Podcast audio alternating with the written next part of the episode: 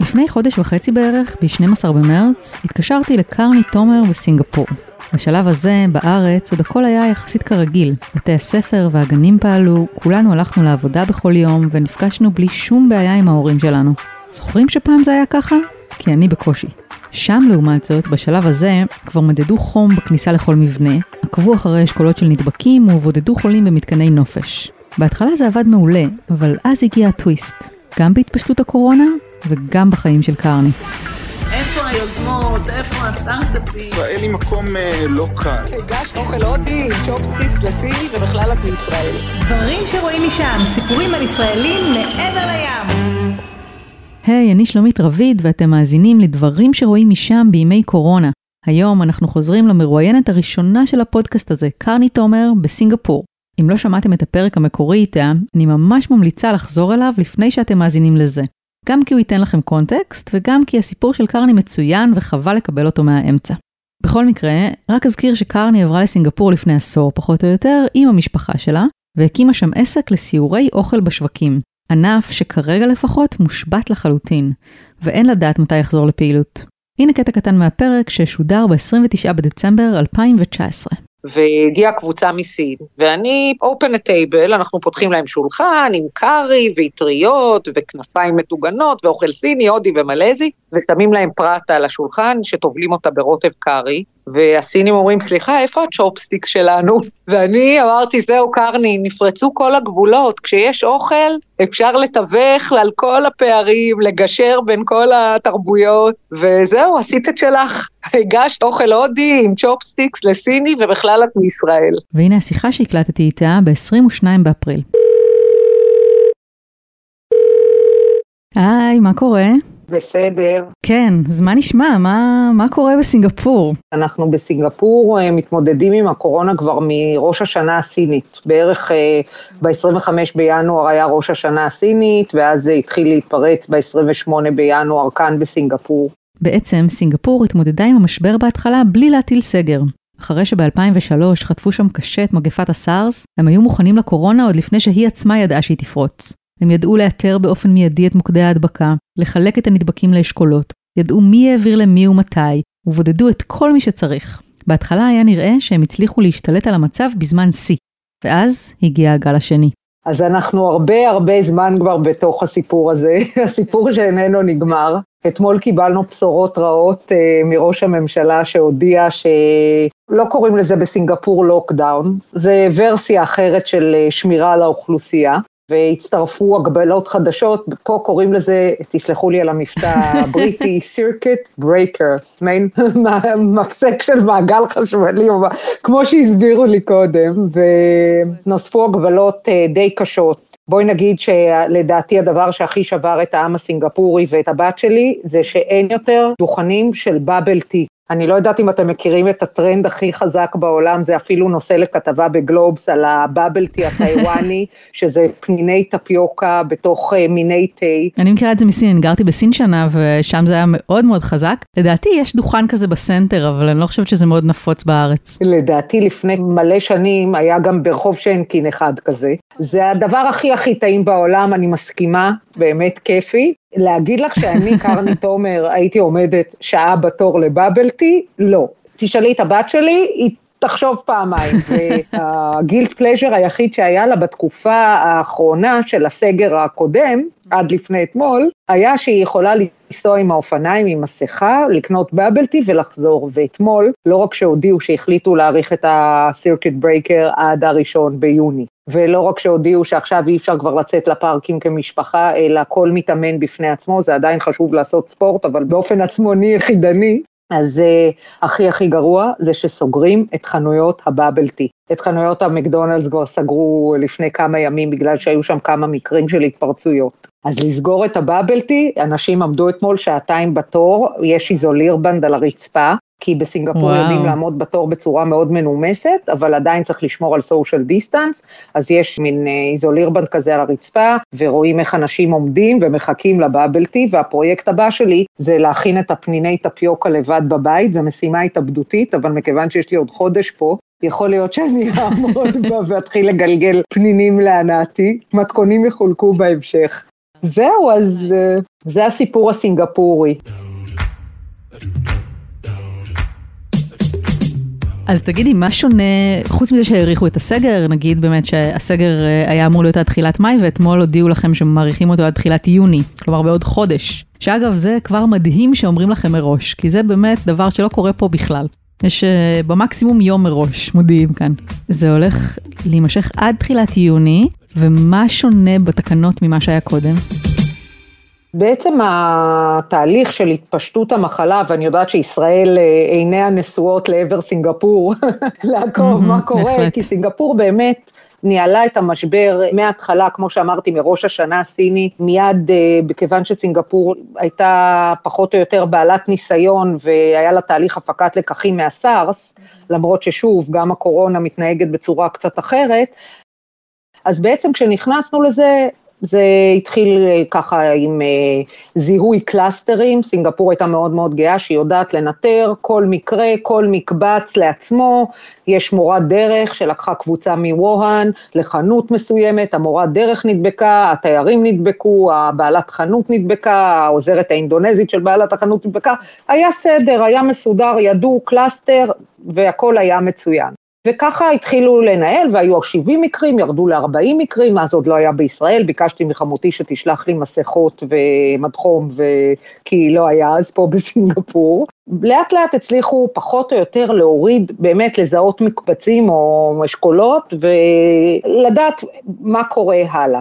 אחר כך התחילו imported cases, זה כבר הגיע לישראל, וישראל באמת סגרה הרמטית את הגבולות, ובסינגפור מכל מיני סיבות של אה, החזרת בנים, חוזרים וכל מיני שיקולים עסקיים, אי אפשר היה לסגור עדיין את הגבולות באופן הרמטי, ומה שקרה זה שהגיעו המון imported cases, מקרים מיובאים. אז ידעו להתמודד עם מקבצים וידעו להתמודד עם imported cases, וגם את זה הצליחו להוריד. מה עשו? שלחו לבידוד כל מי שחזר מחו"ל וכאלה? כן, חוזרים מחו"ל, כן.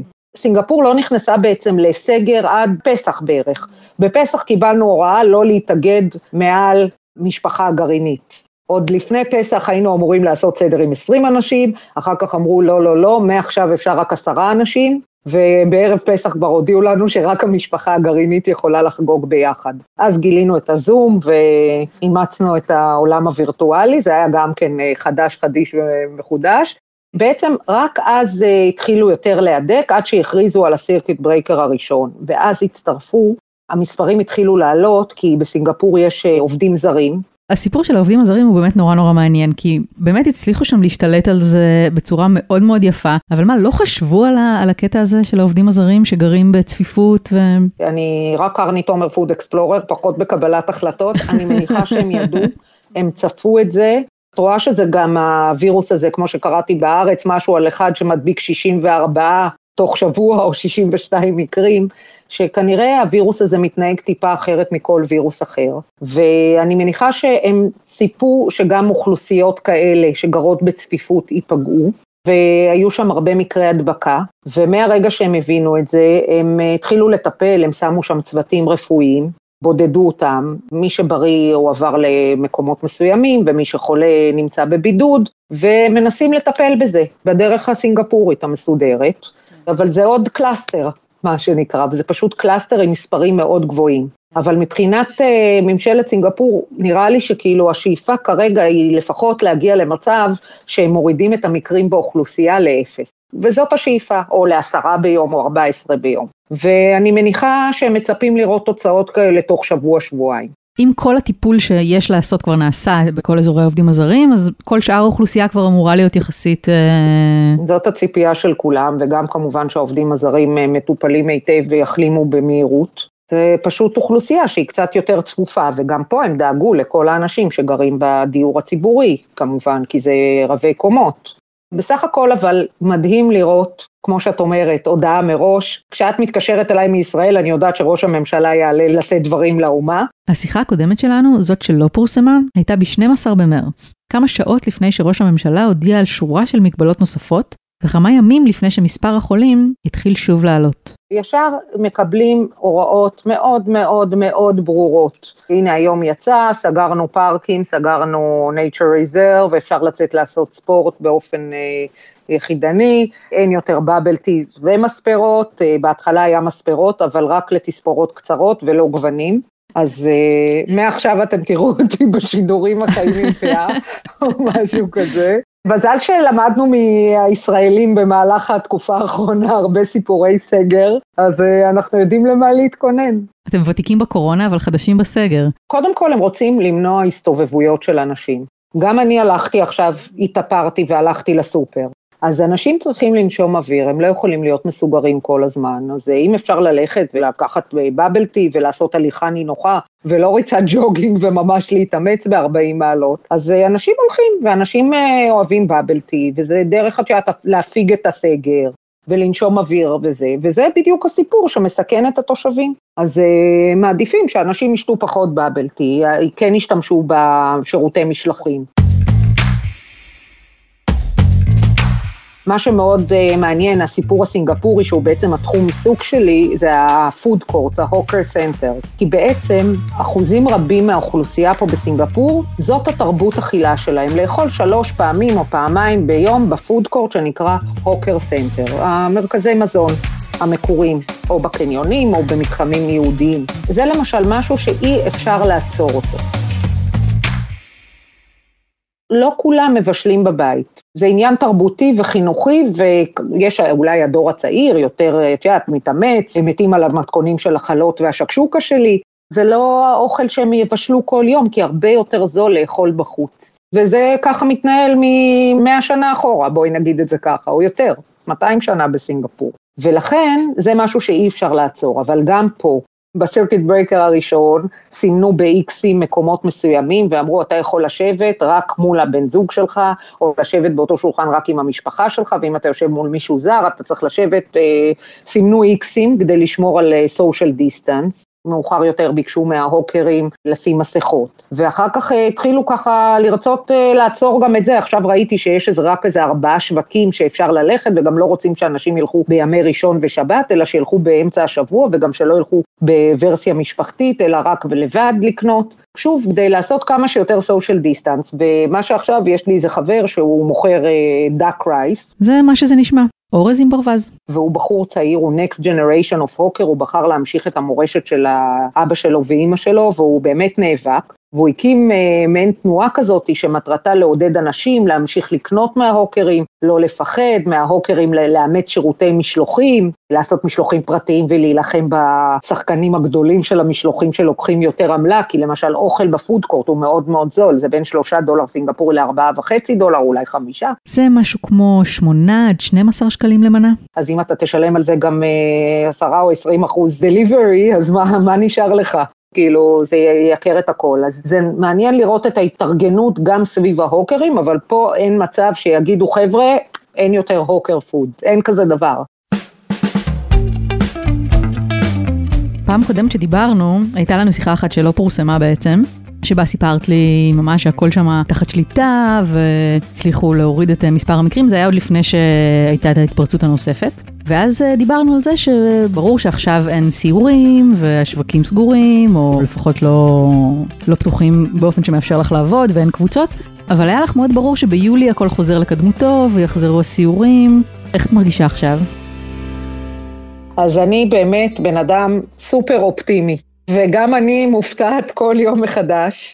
סיפרתי לך, נדמה לי, בפעם הקודמת, שכשזה רק קרה ב-Chinese New Year, כשהייתי בשיא, בשיא, בשיא של עשייה ועבודה, ואיזה יופי, העסק התרומם, והיה לי כל כך הרבה קהלים וסיורים לחברות, ופתאום זה קרה. ואני שבוע שלם לקחתי קופסה שלמה של אקמול, וחשבתי שיש לי קורונה, ופשוט זו הייתה תחושה בין פסיכולוגית לפסיכוסומטית, פשוט לא ידעתי מה קורה איתי חוץ מזה שיש לי קורונה. כשאחרי שבוע החלמתי מהמחלה במהירות רבה, ללא תסמינים בכלל, אמרתי, אוקיי, קרני, מה עושים עכשיו? מה עושים עד שהלקוחות יגיעו? ואז עוד הייתי באמת אופטימית, שהלקוחות כבר יגיעו ביולי, ואז הם יגלו שאני לא נמצאת, כי נסעתי לבקר בארץ. חזרתי לפשן הראשון שלי מעבר להדרכה וציורים קולינריים, וזה בעצם לבשל. והחלטתי וראיתי מה קורה בארץ, והרי אני חיה בחצי סינגפור, חצי ישראל, כל החיים שלי הם אה, חצויים, וראיתי מה קורה אצל אנשים בישראל, והחלטתי לעשות מתנה קטנה ושירות לציבור, וכל יום להכין cook live session, לעשות אה, מתכון אחד לשיפור המצב רוח.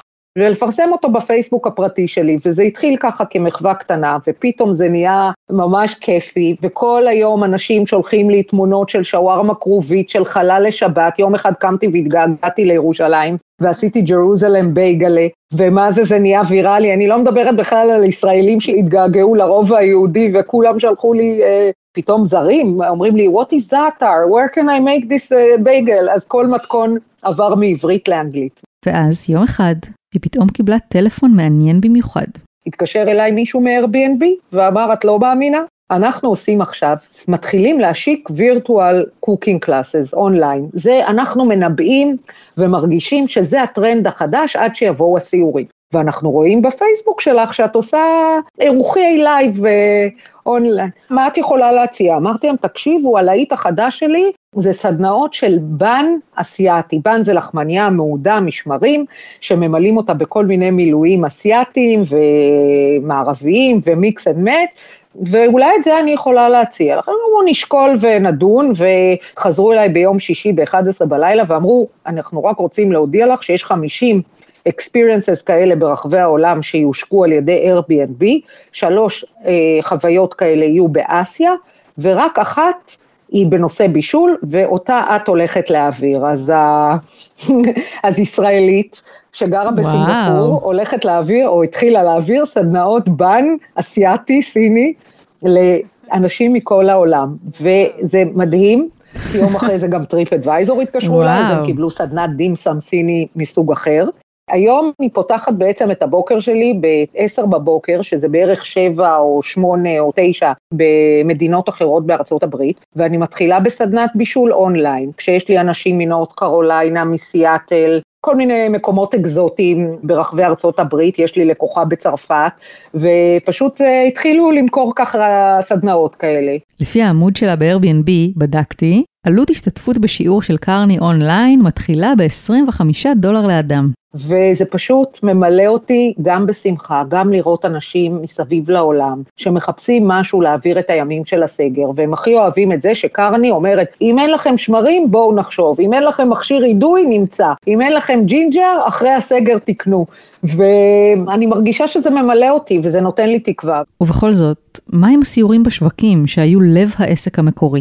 הבשורות שאנחנו מקבלים כרגע, לא ממשרד התיירות הסינגפורי, כמו שאני שומעת ממדריכים ומדריכות תיירים ישראלים שנמצאים ברחבי העולם, זה שזה לא הולך לחזור בקרוב, לפחות לא עד Christmas שנה הבאה, דצמבר שנה הבאה, אולי קצת יותר. וכל חברות המחקר של התיירות מתחילים לחשוב מה העתיד, ואז מתחילים לדבר, תתחילו לעשות יותר סיורים ללוקלס, שגם את זה אני עושה, למקומיים, כמו סיורי חוות, שלא תמיד יוצא להם זמן לטייל ולהכיר בעצמם, ולפעמים צריך אה, חברת תיירות קולינרית לקחת אותם, ומתחילים לחשוב על אה, איך לצאת מהברוך הזה שענף התיירות ועוד הרבה ענפים נפגעו. אבל uh, אני בן אדם אופטימי, ואני אומרת, עם לימון נהפוך את זה ללימונדה, ובשלב הבא ללימונצ'לו או לאיזה מרנג לימון. והנה את נותנת לי רעיון מה לעשות בלייב הבא שלי.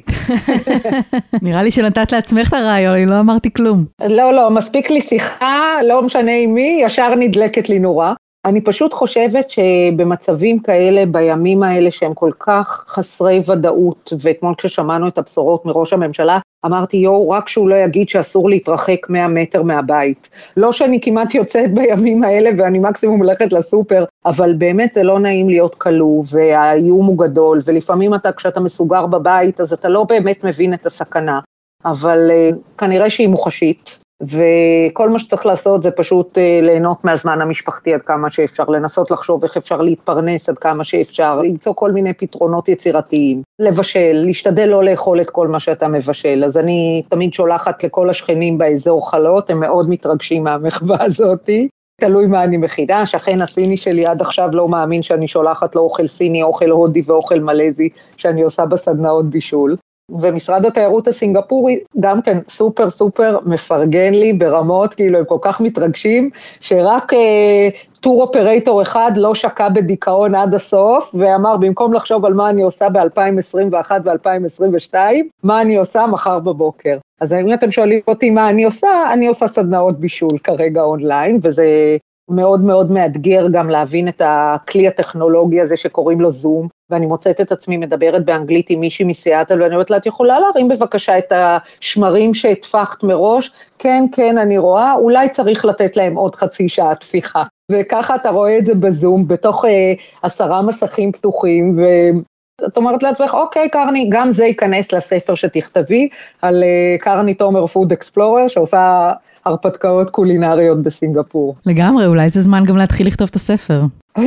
בטוח, אבל לצערי אני לא מגיעה לזה. אבל באמת אה, כבר התחילו להציע לי מה דעתך על אה, סיורים בעקבות אתרי קורונה, פה היה ה cluster הזה, אז אנחנו מעדיפים לצחוק מאשר לבכות, ולקוות שאת לא תתקשרי אליי יותר עם שאלות כאלה, שאלות אחרות אני מוכנה לענות. כרגע אני מתמקדת בלהעביר את הימים, ודרך אגב, הילדים שלי, שהם בסוג של homeschooling. לקרני יש שלושה ילדים, יותם שבדיוק מסיים תיכון ומתכנן לחזור לארץ ולהתגייס, ליבי ושיילי שנולדה בסינגפור. ואם האזנתם לפרק המקורי שהקלטנו עם קרני, אז כבר שמעתם אותה מכינה פלאפל בסינית. אמרו לי, אמא, אנחנו עוד לא הרגשנו משועממים, כי לכל אחד יש תפקיד במשפחה, יש עורכת, כוכבת, כל אחד יש לו תפקיד משלו. ובין לבין הם אמרו למורה לכימיה, אני מצטער שלא הגעתי לשיעור, הייתי צריך לצלם את קרני, את אימא שלי. ולא היה לה מה להגיד, היא הייתה בשוק, אוקיי, אוקיי, she makes פלאפל, הוא אמר לה לא, Chinese bun, והיא בכלל הודית, אז זה הסיפור הסינגפורי. כן, אז בעצם זה הפך לאופרציה משפחתית שלמה הדבר הזה? תמיד אה, ב Wok and Stroll בחברה שלי, כולם יודעים שזה עסק של משפחה. בעלי אמנם עובד פה למעלה בקומה השנייה, ומדי פעם מקבל ארוחות מצולחתות uh, ומסודרות, אני נורא נרגשת להראות לילדים שלי מה זה פשן, ושגם הם יכולים לתרום לכלכלה של הבית ולהחזיק את אימא שפויה, ושהם משמחים אנשים, כי פתאום אנשים שולחים תמונות של מאכלים ואומרים איזה כיף ואיזה כיף להכיר אתכם, ומי זה הקול של הגבר שמצלם, שזה הבן שלי, ואיזה חמודות הבנות שלך. אז בכלל, הם uh, חלק מהכלכלה. הכל בסוף זה כלכלי הרי, לא? לגמרי, ממש. תגידי, הם מצליחים ללמוד קצת בכל הלמידה מרחוק הזאת שעושים? כן, כן, דווקא בסדר גמור, בסך הכל הם מאוד רציניים, אה, שמים שעון, קמים, המורות אה, מאוד רתומות לתהליך. לדעתי, לקטנה שלי יש יותר מדי זמן חופשי. בין השיעורים, אני קצת מוחה על העניין, אז אתמול נתתי לה לקפל גיוזות עד שהיא פרשה, אבל בסך הכל הם מסתדרים, הם לומדים, אבל איך הבת השנייה שלי אמרה, אני מתגעגעת לחברים, כי בית ספר הרי בסופו של דבר זה לא רק לימודים, וזה פשוט אה, נורא נורא עצוב, כי למשל הבן שלי היה אמור לסיים השנה בגרות בינלאומית, ובגלל שבכל העולם היו מקרים קשים מאוד, אז אה, פשוט ביטלו את הבגרויות הבינלאומיות, ועכשיו מנסים לחשב איך לשקלל את הציונים, והוא צריך הרי לחזור לצבא ולמכינה, ודיברו על טקס הנפת כובעים וכאלה, ועכשיו האריכו את הסגר, אז אה, אנחנו לא יודעים אז אה, אם מתקיים טקס אונליין או לא, וזה באמת, מעבר לכל הסיפור הזה, אז עצוב לי על אנשים שחולים, וזה סיפור נוראי, ובאמת, אני אומרת שהמון המון תהליכים נקטעו פה בגלל הווירוס הזה, וזה מאוד מאוד עצוב, באמת. כן, אני מרגישה שכאילו, כל עוד לא יימצא חיסון, אז כולם באי ודאות, אבל בסך הכל, אני שוב אומרת, יש תחושה של ניהול, של שליטה. אני נותנת לסינגפור את הקרדיט שהם צפו את כל המהלכים, והכל היה מוכן ומתוכנן. למשל, בהתחלה ניסו גם לתת אה, התראה מראש, שאסור להסתובב כמשפחה, שאסור ללכת ככה, שאסור ללכת עם אה, מסכה, ויום אחד בדיוק לקח להם לתת התראה מראש, ואחרי יום הודיעו, גמרנו להתריע, מעכשיו יש קנסות על כל עבירה על החוק. יש לך stay at home notice, אתה לא תצא החוצה. יש לך הוראה לצאת אה, עם מסכה, אתה תצא עם מסכה. ואין חוכמות. אני ממש מקווה שלפחות ביוני כבר אפשר יהיה להגיד אה, שזה יחסית מאחוריכם. ומאחורינו. תתקשרי אליי בראשון ביוני, כשנצא לרחובות עם גדלים, ונוכל להזמין כרטיס טיסה לישראל לחופש. אני עדיין רוצה לשמור על אופטימיות, שיקרה איזה נס, וימצאו תרופה, ויוציאו אותנו מהסגר, כי אחרת באמת נצטרך לעקור את המשקופים של הבית. כי המצב פה קשה. אני לא יכולה לאכול יותר בן. בבקשה תעזרו לי. בסדר, נראה לי שאם מישהו ניצל את הסגר הזה למטרות טובות זאת את. אני באמת עושה את זה בשיא האהבה, שחלילה לא יישמע שזה בקטע העסקי, רק, רק בכיף, וזה כל כך ממלא אותי אושר, שיש אנשים שצופים, ושיש אנשים שמתעניינים, ושיש אנשים ששואלים שאלות, זה פשוט כיף לא נורמלי לשמח אחרים. גם בישראל וגם באירופה וגם באסיה, וכבר פנתה אליי אה, מפיקה סינית, אם אני יכולה לשתף את הג'רוזלם בייגל ואת השקשוקה באיזה תוכנית שהיא משיקה, אז אמרתי, וואלה, יכול להיות שגם הסינים ישמחו לקבל שקשוקה בבוקר. אז אנחנו הולכים על העיקרון הזה. יאללה, מעולה. קרני תומר בסינגפור, תמיד כיף לדבר איתך. גם איתך, יופי, תשמרו על עצמכם, חבר'ה, אני אה, פה גם מחכה. לכם. אולי באוגוסט. לגמרי, אולי באוגוסט, הלוואי. אולי יהיה טי עד אז. אני אשלח מתכון בעברית, אל תדאגו. מעולה. להתראות, יאללה, ביי ביי, יום טוב. ביי. עד כאן עוד פרק של דברים שרואים משם בימי קורונה. אל תשכחו לעקוב אחרינו בספוטיפיי או בכל אפליקציה אחרת, וכמובן לשלוח לחברים. אם תדרגו אותנו גבוה, זה בכלל יהיה מדהים. תודה לקרני תומר, תודה לעורך הפודקאסטים רון טוביה ולניב בן אלי על הסאונד. המייל שלנו הוא דברים את גלובס.co.il. אני שלומית רביד, יאללה ביי.